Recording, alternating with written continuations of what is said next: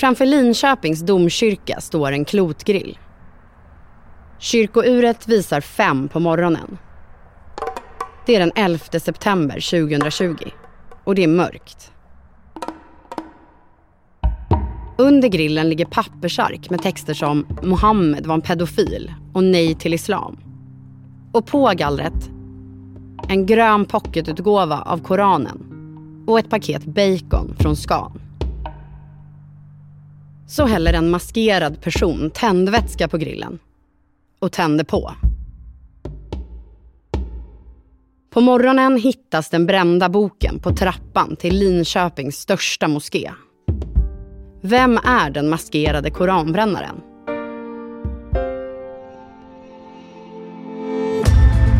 Från Dagens Nyheter, det här är Spotlight. Idag om den anonyme koranbrännaren.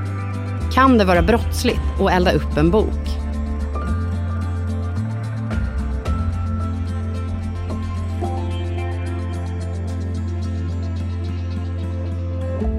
Jag heter Evelyn Jones.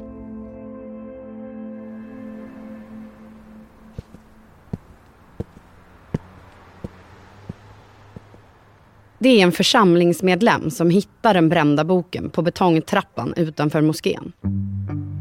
Han ska förbereda fredagens stora lunchbön. Den här församlingsmedlemmen ser inte först vad det är för bok eftersom den är så svårt bränd. Men det är ett exemplar av Koranen och så ligger en hög med bacon bredvid. Och den här mannen som hittar det här ringer direkt till församlingsordföranden Mohammed Ahmed Ege som säger att han inte ska röra någonting. Niklas Orenius, du är reporter här på DN. Hur reagerar Mohammed Ahmed Ege när det här sker? Han känner väldigt stor olust. Han tycker det är väldigt obehagligt eh, och blir illa berörd. Jag tänkte att det var en attack mot våra heliga skrift, våra medlemmar. Och det var en hot och hot. Den här hösten är många muslimska församlingar över hela västvärlden skakade och lite på sin vakt. Flera massskjutningar har nyligen ägt rum i moskéer på flera kontinenter. A gunman with an automatic weapon has opened fire on a mosque. I nyzeeländska Christchurch har den högerextrema terroristen Brenton Tarrant året före skjutit ihjäl 51 moskébesökare. Ja, och även i Norge har en nazist och muslimhatare som heter Philip Manshaus, han har öppnat eld mot troende muslimer i en moské i staden Bärum. Och här i Sverige så har den högerextrema politikern Rasmus Paludan just börjat åka över Öresund för att bränna Koranen offentligt. Moskén i Linköping har drabbats av hot tidigare. Rutor har krossats, hakkors och slagord som “åk hem” har klottrats på fasaden. Församlingen har tvingats införa rutiner för de som upptäcker misstänkta föremål. De får inte röra vid dem och de ska direkt ringa ordföranden eller polisen. Samtidigt vill styrelsen för församlingen inte heller oroa sina besökare. De vill helst egentligen tysta ner hot och angrepp som har drabbat moskén. De är också rädda att hoten ska liksom bli fler om de går ut och pratar öppet om dem. Så när Mohammed då anmäler attacken till polisen så ber han polisen skynda sig och ta bilder och snabbt få bort den brända koranen och baconet. Han vill att så få som möjligt ska se dem. Men det kommer bli oroligt ändå. För samma dag som den brända koranen hittas på trappan till moskén publiceras ett filmklipp på Youtube, Instagram och Twitter. Den här videon då som publiceras är 2 minuter och 37 sekunder lång och den läggs ut på ett Twitterkonto som heter Barbie Koran. Man ser i den här filmen att det är flera personer som är med och bränner Koranen. Men man ser inte ansiktena på personerna. De har ställt upp en grill mitt i Linköping ser man, in till domkyrkan och stadshuset. Och det här är bara några meter från där stadens högsta politiker sitter på dagen. I slutet av filmen så ser man hur den nästan uppbrända koranen och en hög med bacon då placeras utanför moskén. Och den här moskén ligger ett par kilometer bort från domkyrkan. Och klippet har ljudlagts med en kontroversiell låt. Det här är en folkmusikaktig låt eh, som spelades in från början av serber på 90-talet under Jugoslavienkrigen. Och då kallades den här låten för Serbia Strong. Sen under 2000-talet så har den liksom fått nytt liv, den här låten, i antimuslimska kretsar i väst. Med en ny titel. Eh, Remove Kebab kallas den nu.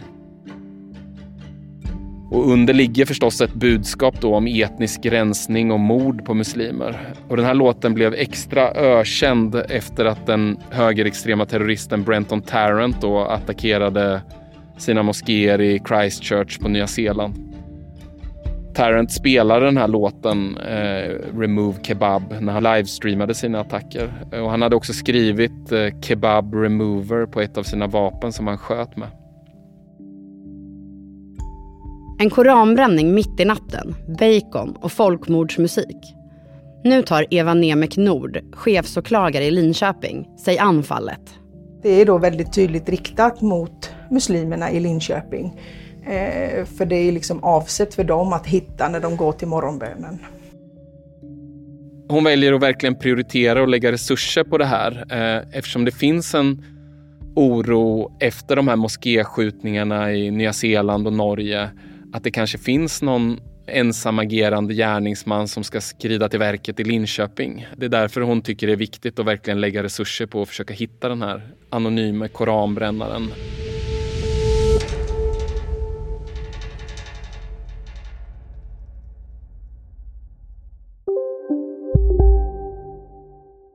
Har du också valt att bli egen? Då är det viktigt att skaffa en bra företagsförsäkring. Hos oss är alla småföretag stora och inga frågor för små. Swedeas företagsförsäkring är anpassad för mindre företag och täcker även sånt som din hemförsäkring inte täcker. Gå in på swedea.se företag och jämför själv. Hej, Ulf Kristersson här. På många sätt är det en mörk tid vi lever i. Men nu tar vi ett stort steg för att göra Sverige till en tryggare och säkrare plats. Sverige är nu medlem i Nato. En för alla, alla för en.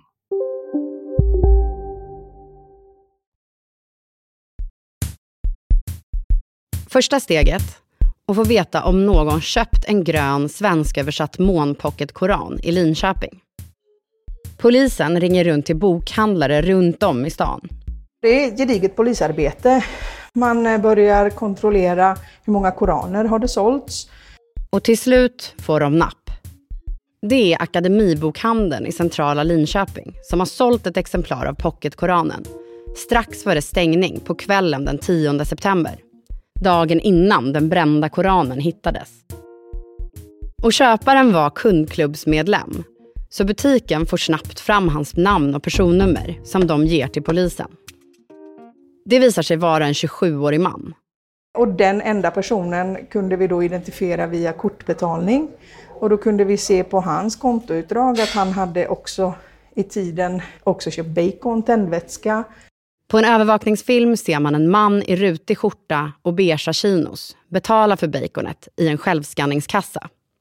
Man ser också på den här filmen att han har en påse från Akademibokhandeln i handen. Och eh, utredarna känner även igen mannens skor och byxor från en av männen från koranbränningsfilmen. Hos honom hittar polisen en rad heta ledtrådar. I mannens dator finns fullt av spår som pekar på att han är inblandad i koranbränningen och i filmen. Bland annat har han googlat på Remove Kebab, alltså namnet på låten som spelas i filmen. Sen har han också gått in i en sluten diskussionsgrupp eh, på nätet som heter Koranbränning i Linköping den 11 september. Planering och genomförande.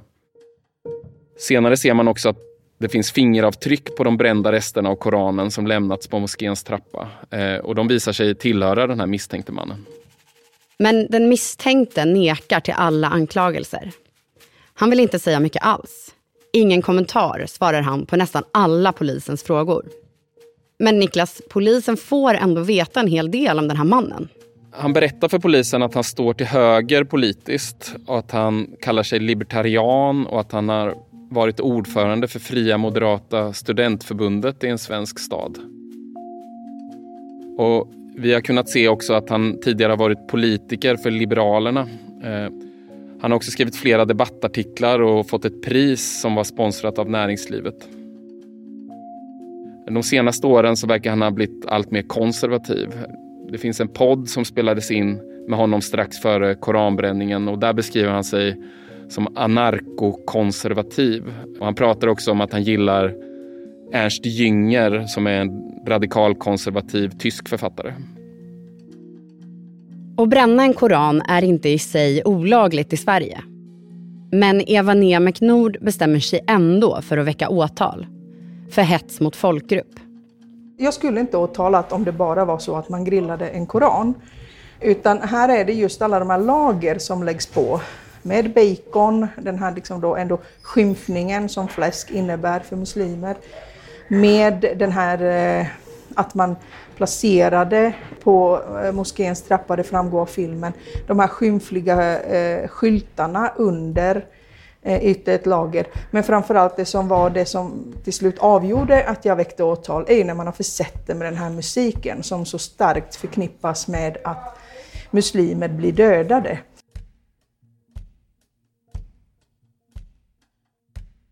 Men det ska dröja tre år innan rättegången börjar. Och när den gör det är det i en tid när koranbränningar har blivit en het politisk fråga. Fiery protests have erupted in the Muslim world after anti Islam activists in Denmark and Sweden recently staged public events where they burned or damaged copies of the Quran. Under 2023 blir de upprepade koranbränningarna ett allt större problem för Sverige internationellt. Nu på sistone har det ju mest varit den här Irakien Salvan Momika som har väckt ilska med sina offentliga koranbränningar i olika svenska städer. Och Momika är precis som Rasmus Paludan då extremt hånfull mot åhörarna. Han pratar på arabiska och sen sprider han klipp via TikTok och andra sociala medier som når väldigt många. Och det här påverkar bilden av Sverige negativt i den muslimska världen. Det har liksom blivit en återkommande nyhetsstory om koranbränningarna i Sverige. I Iraks huvudstad Bagdad stormade till exempel uppretade människor Sveriges ambassad och förstörde delar av den. Sen är det också så att eh, Turkiets president Erdogan hänvisar till de här koranbränningarna när han förhalar och drar ut på ratifikationen av ett svenskt NATO-medlemskap. Och det är alltså mitt i detta upptrissade läge som rättegången mot mannen i Linköping påbörjas. Alltså äter du i duschen? Nej, det gör jag verkligen inte. Men alla gör ju det nu. Duschsnacks, Frans. Vilka är alla? Ja, men alla på TikTok och bloggar och allt möjligt. Så det är, de har en tallrik i duschen och så är det lite så här oliver och ostbågar typ. Nej men gud, tapas. Där drar jag gränsen. Jag, jag kan sträcka mig till duschöl. Men annars så får man torka sig innan man hugger in på godsakerna. Ja men lyssna på Nära vänner, en podd med mig Fanny och dig Frans med Expressen. Viktiga nyheter.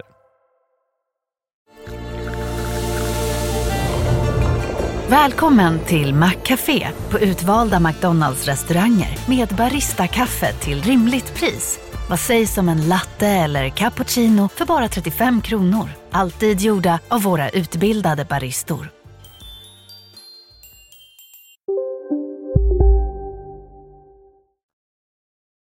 Rättegången skulle ha hållits i Linköping. Men när den inleds den 28 september gör den det i en säkerhetssal i en annan stad, Jönköping. Det är mest för den åtalades egen säkerhets skull, säger Eva Nemec Nord. Ja, jag åker då till Linköping för att få tag på henne och fångar henne i steget utanför Linköpings tingsrätt. Hon är rätt busy, hon är på språng efter en förhandling och har mycket att göra men det här åtalet mot den misstänkte koranbrännaren är viktigt för henne. Hon vill gärna prata om det. Det här målet är ju spännande på det sättet att vi har inte så mycket praxis. Var går gränsen när det faktiskt blir hets mot folkgrupp? Under sommaren har politikerna till och med börjat snegla på lagändringar för att kunna stoppa de koranbränningar som skapar problem för Sverige. Samtidigt utreds flera personer för hets mot folkgrupp med nuvarande lagstiftning efter att ha bränt koraner. Ja, det är ju just de här två då mest kända koranbrännarna, Paludan och Momika. Och Paludan misstänks för hets mot folkgrupp efter två koranbränningar i Malmö eh, och Momika utreds för fem fall av hets mot folkgrupp. Niklas, kan åtalet mot mannen i Linköping påverka även de här andra fallen? Eventuellt kan det det eftersom det inte finns så mycket rättslig vägledning om koranbränningar. Men vad åklagarna verkar överens om, eh, de här olika åklagarna som utreder koranbränningar, det är att det inte räcker med att bara bränna en koran offentligt för att det ska vara brottsligt. Det måste liksom till något mer, att man hotar eller uttrycker sig nedsättande mot muslimer som grupp. Och det är det som åklagaren Eva Nemek Nord menar att eh, 27-åringen har gjort här i Linköping. Framförallt i och med filmen med musiken som är så pass kopplad till mord på muslimer. Eva Nemek Nord, som åtalat 27-åringen, har med viss oro noterat att många politiker nu vill utreda lagändringar för att kunna stoppa koranbränningar i framtiden. Hon har starka privata åsikter om den svenska politiska diskussionen just nu om koranbränningar och, och jag frågar henne lite om det när vi ses. Vi ska vara väldigt försiktiga med innan vi börjar inskränka våra grundläggande fri och rättigheter. För det här är faktiskt någonting som vi har kämpat för i många, många år och det är rättigheter som ändå är eh, det som vår demokrati vilar på. Eva Nemek Nord tycker att den här lagen om hets mot folkgrupp som vi redan har idag är tillräcklig. Jag tror inte på att man ska förbjuda åsiktsyttringar. Och vi har en lagstiftning att när man faktiskt går över gränsen, då, det, det, liksom yttrandefriheten är inte helt fri. Vi har förtalsregler, vi har hets mot folkgrupp, så vi har lagstiftning som vi bör kunna använda i de situationerna. Och det här målet visar lite på det? Ja. I det här fallet så har vi många lager och jag hoppas tingsrätten angriper det här lite grann som en lök, att man skalar av. Okej, okay, det här lagret, det här lagret, var någonstans hittar vi liksom eh, det lagret som gör att det tippar över? Men vad säger den åtalade mannen? Till polisen säger han väldigt, väldigt lite. Eh, han svarar ingen kommentar på nästan alla frågor. Han förnekar brott, säger han. Och när jag vill intervjua honom så tackar han nej till det. Däremot får vi en skriftlig kommentar från hans advokat som menar att de gärningar som hans klient åtalas för inte är brottsliga. Och de här församlingsmedlemmarna i Linköpings moské, de som hittade den brända koranen på sin betongtrappa. Vad tänker de om rättegången?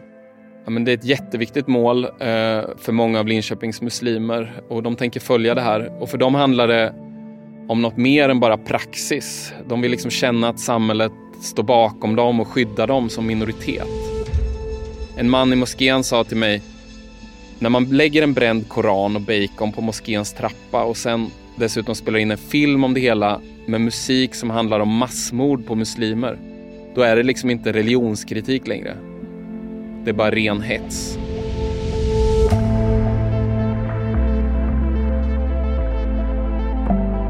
Du har lyssnat på Spotlight med mig, Evelyn Jones.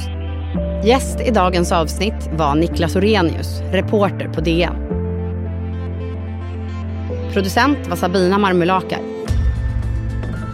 Slutmixen gjordes av Patrik Miesenberger. Vignetten är komponerad av Patricio Samuelsson. Ljudklippen i dagens avsnitt kom förutom från DN, från SVT och Sveriges Radio.